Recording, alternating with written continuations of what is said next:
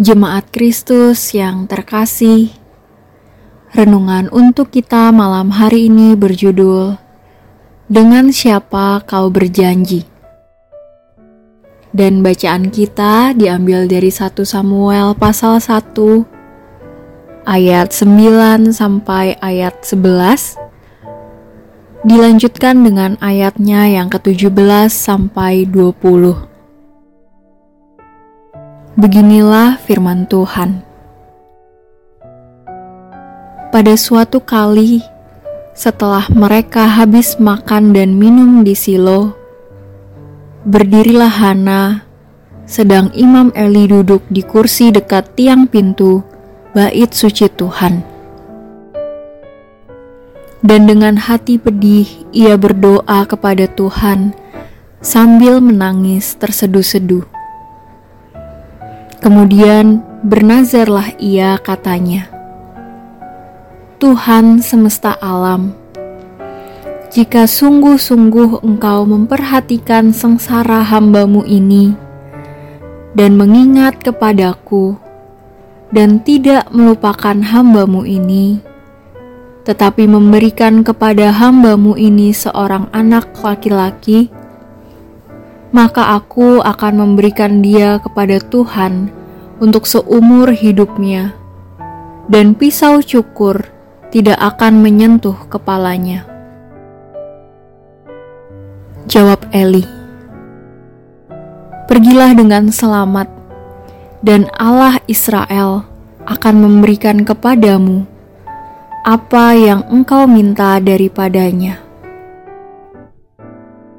Sesudah itu berkatalah perempuan itu,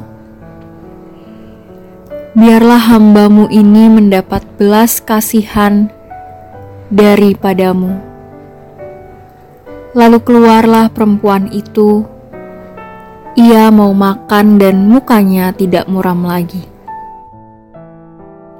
Keesokan harinya bangunlah mereka itu pagi-pagi, lalu sujud menyembah di hadapan Tuhan Kemudian pulanglah mereka ke rumahnya di Rama.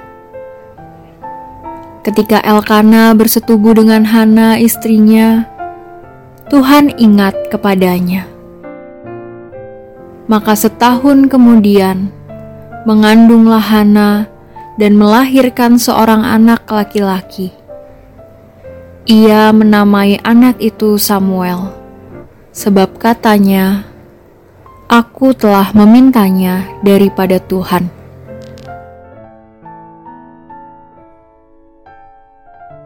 Ada banyak cara di dunia ini untuk mengikat sebuah perjanjian, mulai dengan cara yang tradisional dan biasanya menggunakan simbol-simbol, sampai dengan cara yang modern, dengan menggunakan materai dan dokumen yang bisa dipertanggungjawabkan.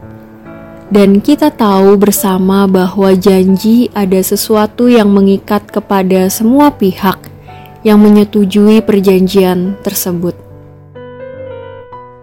Hana dalam kesedihan dan pergumulan batinnya membuat janji kepada Allah bahwa ketika ia dikaruniai anak, maka anak itu akan diserahkan kepada Tuhan untuk menjadi pelayan. Kita semua tahu bagaimana akhirnya, bahwa Samuel, anak yang dijanjikan itu, menjadi pelayan Tuhan, baik melalui bimbingan Imam Eli maupun saat ia sudah beranjak dewasa. Hana menjadi gambaran bagaimana kekuatan perjanjian dengan Tuhan. Bagi manusia, apa yang diminta Hana adalah sesuatu yang berat. Karena memang dalam keterangan ditunjukkan bahwa Tuhan telah menutup kandungan Hana. Tetapi kegigihan Hana berbuah manis. Tuhan mendengar nazarnya dan mewujudkan keinginan Hana. Tuhan memandang itu semua baik dan Hana pun menepati janjinya dengan menyerahkan Samuel menjadi pelayan Tuhan. adakah kita juga memiliki janji kepada Tuhan? Apakah hal tersebut sudah kita tepati? Atau kita sedang menanti itu dinyatakan Tuhan ke dalam hidup kita? Semoga janji tersebut tetap kita jaga dan kita nyatakan bila itu sudah digenapi Tuhan. Semoga kita menjadi orang-orang Kristen yang menepati janji.